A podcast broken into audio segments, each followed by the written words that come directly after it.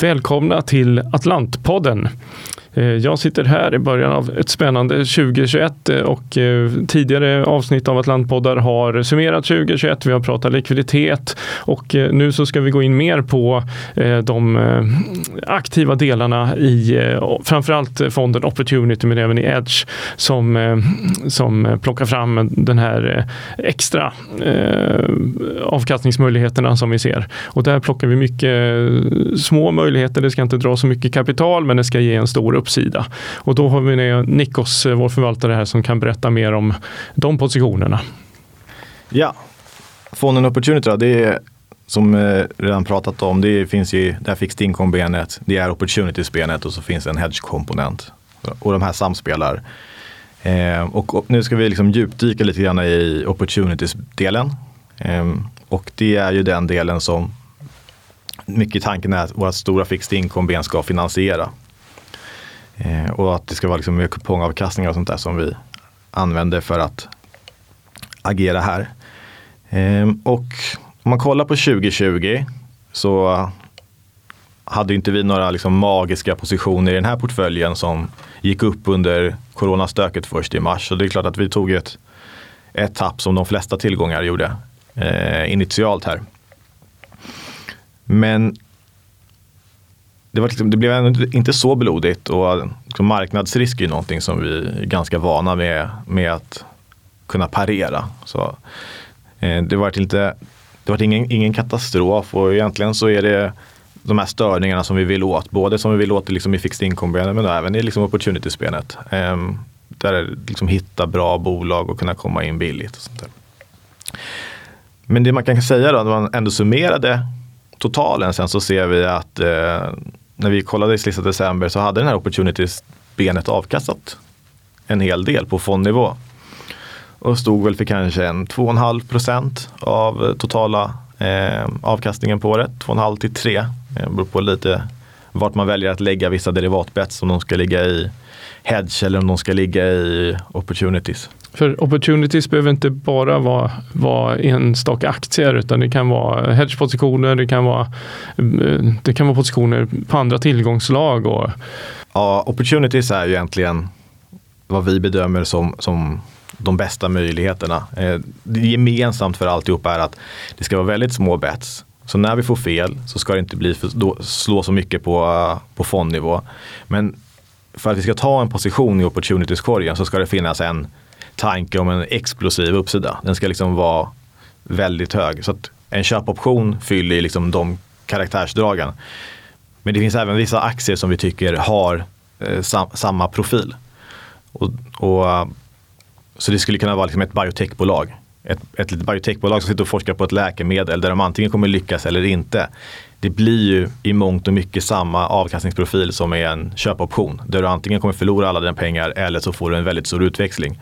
Och det är den typen av konvexitet som egentligen gemensamt för alla bets vi letar efter i opportunities-korgen. Där vi inte behöver allokera så mycket pengar till varje enskilt bet men där uppsidan kan bli signifikant om vi får rätt. Så, så, precis som du sa, det behöver inte nödvändigtvis vara en aktie utan det kan vara en aktie, det kan också vara en köpoption men det skulle kunna vara egentligen vad vi, vad vi än snubblar över som vi tycker uppfyller de här kraven. Opportunities-korgen består av eh, kan säga, en del lite noterade aktier. Och där har vi, separer, där har vi en liksom, biotech-strategi som vi jobbar med. Varför har vi just biotechbolag? Vi är inga doktorer. Nej, det är vi inte. Däremot så har ju de här biotechbolagen som jag redan nämnde den avkastningsprofilen som vi, som vi letar efter. Så vi bygger upp en korg av lite olika biotechbolag som vi gillar. Och sen så har vi lite folk med know-how som vi även liksom rådfrågar om råd då, och kollar bara så att det inte är liksom lurendrejeri. Stämmer de här data? Stämmer marknadspotentialen som de säger att den finns? Stämmer det här? Stämmer det här? Och då, då tar vi liksom in folk från den branschen som får kolla igenom sakerna och komma med ett utlåtande. Och så har vi byggt upp en, en biotechkorg. Sen har vi en annan aktiekorg där vi egentligen lägger alla bolag som vi tycker är intressanta med en explosiv uppsida. Kommer komma in på några sådana sen. Men det, liksom, det kan vara ett bolag som där vi i alla fall kan se en potential på 100% minimum eh, på uppsidan. Eh. Och sen så har vi även en liten onoterad korg eh, med aktier. Och det är främst liksom inom fintech och så som vi investerar där. Så det är liksom den, de uppdelningarna vi har. Och, och sen så köpoptioner kan vi använda oss av. Vi kan använda oss av optioner på andra tillgångslag. Ehm, och, så, så, så, så, när vi hittar någon tillgång där vi tror att liksom, här skulle det kunna komma en rörelse både upp eller ner så kan vi via optioner liksom addera små positioner här. Optionsspetsen då brukar ligga runt 5 till 10 basis points eh, per bet. Så att eh, när vi får fel så kostar det 5 punkter på fondnivå. Får vi rätt så kan de ofta slå liksom en 25, 30, 50 upp till 1 procent liksom på fondnivå. Så att det är med den liksom in, ingångsvärdet vi går in. Hur stor del av, av eh, den totala fondportföljen är eh, opportunities idag? Hur många positioner ligger vi ungefär? Eh, sen fonden startade så har det där liksom gått med liksom att pendla någonstans mellan 5 till Ja, vi, har sagt en, e- vi har satt en egen limit på att det inte ska få gå över 15 procent och den har vi inte varit över. Så det, det största fonden någonsin har haft, varit uppe i, i opportunities-korgen är väl en dryga 13 procent av AUM. Och det händer när eh, vi kanske har två, tre bolag som, eller två, tre bett som går bra samtidigt. Eh, och då, liksom, då kan liksom det springa iväg en liten bit. Så. Den är fördelad som så att vi, eh, vi har satt en limit på max 5% i onoterade bolag.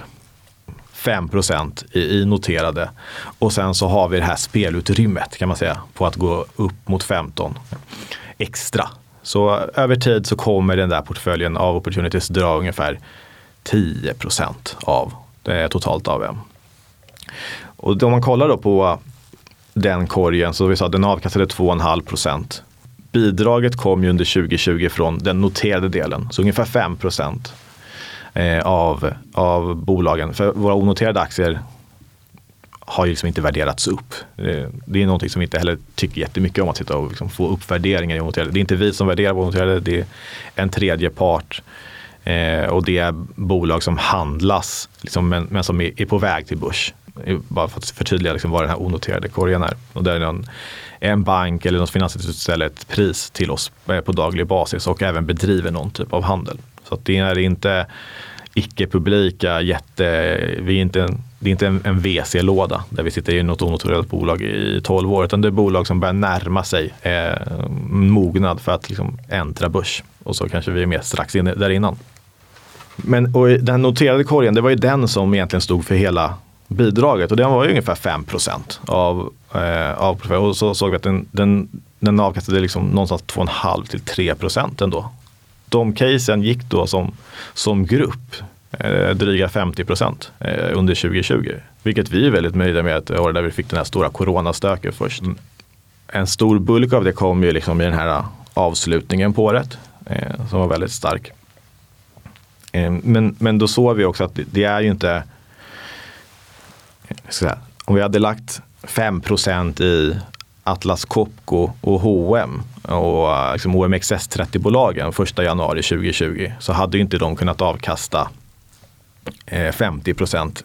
Eh, det hade de såklart kunnat göra men, men det är ju att vi letar den här typen av mer explosiva tillgångar. Så, och därför så behöver vi lägga in mycket mindre pengar men potentialen finns liksom för, en, för en god avkastning i och med att de kan ha den här explosiva uppsidan. Ja, nej, men då vill vi höra vilka exempel du har tagit med här.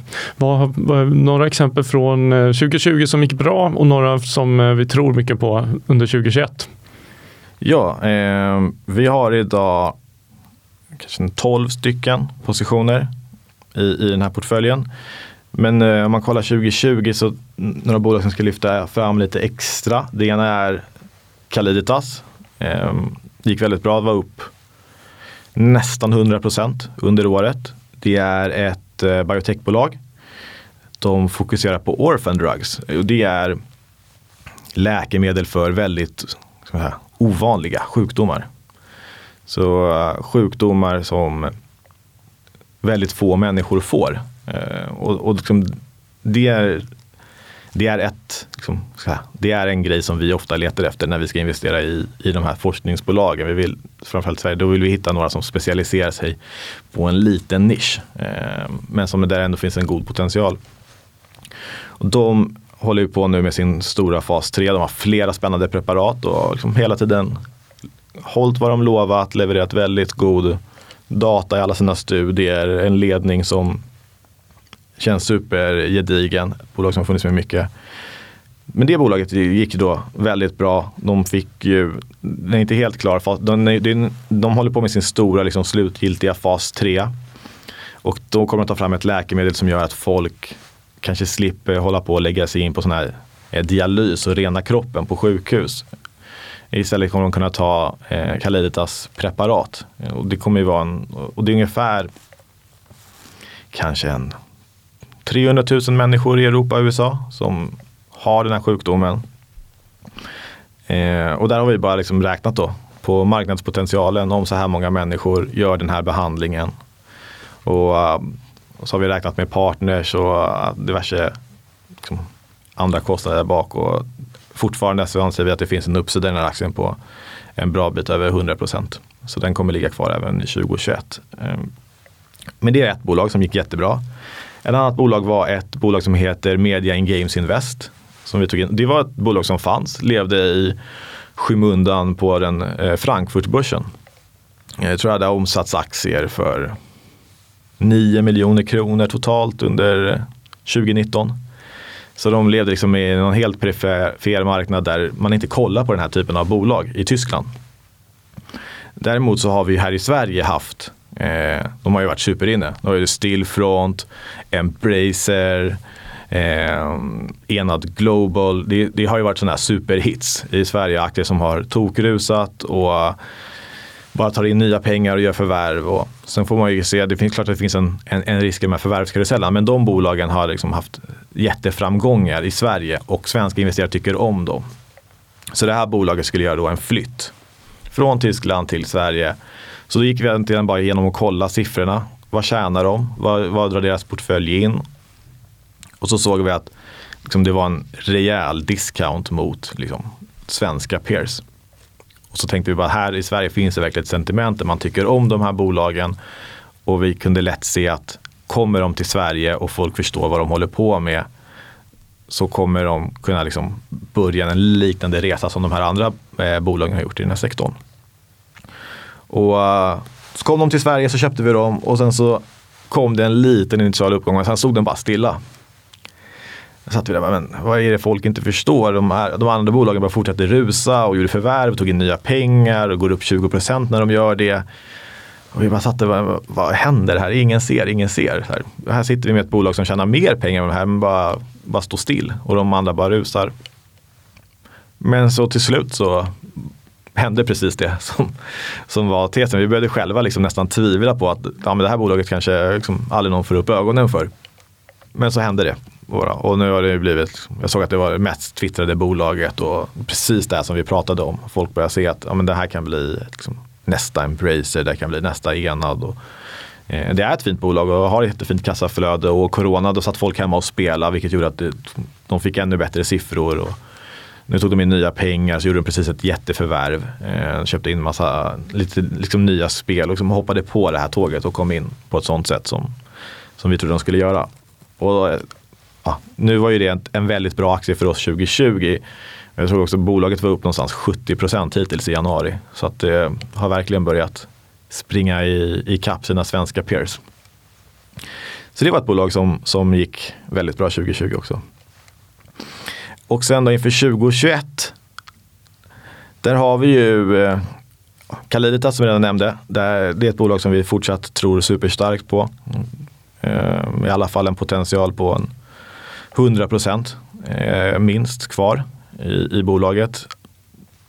Vi tror att det skulle kunna bli som en sån här ah, Wilson Data är så starkt att det bara kommer in ett Big Pharma-bolag och köper dem. Liksom. Och det skulle en premie kunna vara 100% enkelt. Ehm, de hade ett Big Pharma, en Big Pharma-konkurrent som forskade på samma sak. Men där deras studie missade. Och de tappade mer på att missa den studien än vad Caliditas är värt. Så det säger ändå en hel del om hur marknaden värderar potentialen i marknaden för det här preparatet. Så Caliditas nu är, eh, ja, ligger ju väldigt nära nu. Eh, sista liksom godkännande kommer väl förhoppningsvis eh, liksom lyckas med sista biten också. Men i och med att första delen av studien blev så bra, eh, fas 3 är liksom uppdelat i två delar, så minskar ändå risken på att andra delen Eh, ska vara dålig. Så vi ser en jättestor potential här. Och om man, Wilson, eh, Wilson som ett exempel, då, det var ju egentligen vid bra fas 2-resultat som det kom in någon och snappade upp dem, liksom när de hittade dem. Och vi, vi, vi skulle kunna se något liknande hända här tror vi. Och annars så skulle Calliditas själva kunna ta det här preparatet till kommersialisering. För att det är det vi gillar också när det är de här liksom mindre sjukdomarna. Så, så går det ju för dem att kunna kommersialisera själva. Det är svårare om det är någon, de ska bygga upp någon sån här jätteapparat där det är hundra miljoner människor som behöver behandlas. Men här är det ju några få ställen och det är några få specialister som man ska liksom pinpointa och lära upp om de här läkemedlen. Så i värsta fall, eller värsta fall, på lång sikt så kanske det är i bästa fall, så kan de kommersialisera det här själva. Ehm, annars har vi liksom i våran onoterat korg, skulle jag säga, några saker som vi tror kan bli väldigt intressanta. Mm, ehm, de bolag som vi har följt länge då. Och vi tror att det kan liksom spela väl ut under 2021. För, speciellt om det här marknadssentimentet håller i sig. Exempelvis har vi gjort en eh, investering i eh, Babylon Health. Det här Kinnevik och Vostok ägda eh, digitala läkemedelsbolaget. Och nu vet man inte, men vi, vi tror att skulle de noteras under 2021 så skulle den det bolaget kunna värderas upp och av marknaden mycket, mycket högre än vad det gör idag. Och corona var ju väldigt bra för dem, för de fick en stor utväxling i sin liksom, försäljning och, och liksom, en mycket större liksom, bredd och revenue så växte liksom snabbare på av det här med corona. Så det skyndade säkert på deras process med ett, två år. Så det är en position som vi tror på. Ehm, sen äger vi ett eh, annat onoterat bolag som också siktar mot börs så småningom. Det är, de heter Alternus Energy. Eh, de äger eh, superenkelt egentligen, men de äger solcellsparker eh, runt om i Europa. Eh, producerar energi. Eh, ingen vetenskap, inget så avancerat där egentligen. Du, du har en kostnad för att producera energin och sen kan du sälja den. Det häftiga nu är ju att solceller har ju blivit det liksom billigaste sättet att ta fram energi. Det har ju gått om kolkraft och sånt där. Så och sen så tickar den ju sådana här parametrar som ESG och grejer, vilket är superhett. Så vi tror att det är ett bolag som om du kommer till börs kommer finnas ett väldigt stort demand för. Eh, där liksom hela den här ESG och cleantech-trenden man ser ju liksom vissa absurditeter där i vissa värderingar. Eh, det har spårat ur men jag tror till och med det var en svensk storbank skickade ut en analys och bara skrev valuation doesn't matter. Eh, det finns bara mindre aktier än vad det finns eh, pengar som ska investeras i ESG. Eh, så det är ett bolag som är supersunt, tjänar pengar, eh, ingen ingen forskning eller idé om något nytt som ska vara bra utan ligger bara och tickar ett bra kassaflöde idag redan. Och kommer det till börs tror vi att det här kassaflödet kommer värderas upp. Liksom, och folk kommer tycka att det är som ett bolag som är värt mer eh, än, än vad det är värderat till när vi köpte. Hur lång tidshorisont har vi på sådana eh, investeringar? När vi går in i ett onoterat bolag så, så har vi ofta en tidshorisont där liksom målet är IPO. Det ska i alla fall finnas en tanke eller en idé om bolaget att, att gå, bli publikt bolag och handlat på börs inom 12 månader. Eh, innan vi går in. Så, eh, och sen så beror det ju helt och hållet på utvecklingen sen på börs. Eh, hur långvariga vi blir. Skulle det gå upp väldigt mycket så ja, då, då är vi kanske i mål och, och, och kliver av. Så att, ja, ungefär en 12 månaders horisont när vi går in i de här bolagen. Skulle jag säga.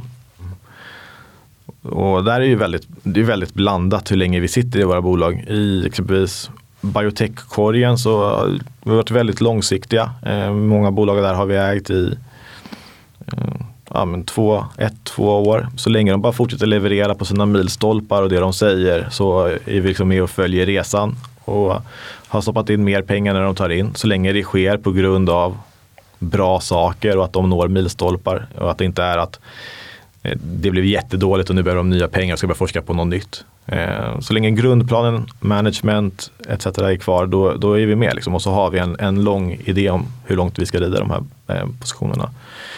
Sen så emellanåt så är det klart vi kan ta en liksom, taktisk kortare position. Det händer också att vi gör det i vissa bolag. Men vi är inte, vi är inte superkortsiktiga. Däremot i optionsbenet, där kan, det ju liksom, där kan vi agera väldigt kortsiktigt. Där kan det ju vara, där kan det vara allt från en dag till liksom, en månad och hur länge vi rider de där positionerna. Så där är vi, där är vi mycket, mycket mer snabbfotade men när vi sitter och gör de här små derivatbetsen. Medan den här portföljen det är bolag som vi tycker om och har följt och lite liksom mer långsiktiga än vad man kanske tänker att en hedgefond skulle vara i, i, i sina positioner.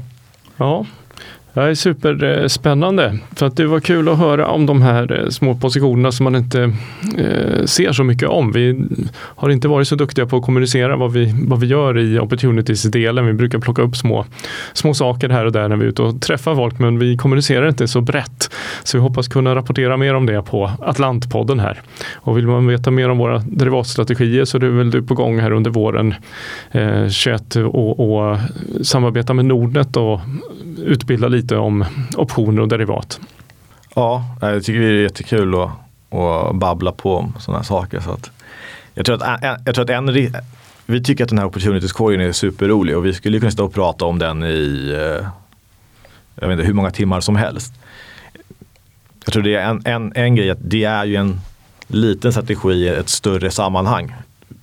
Opportunity är ju inte en aktielåda så det är kanske därför vi har varit lite försiktiga med, med att bara sitta och prata om de här casen för att inte måla upp oss som en sån där högriskaktielåda.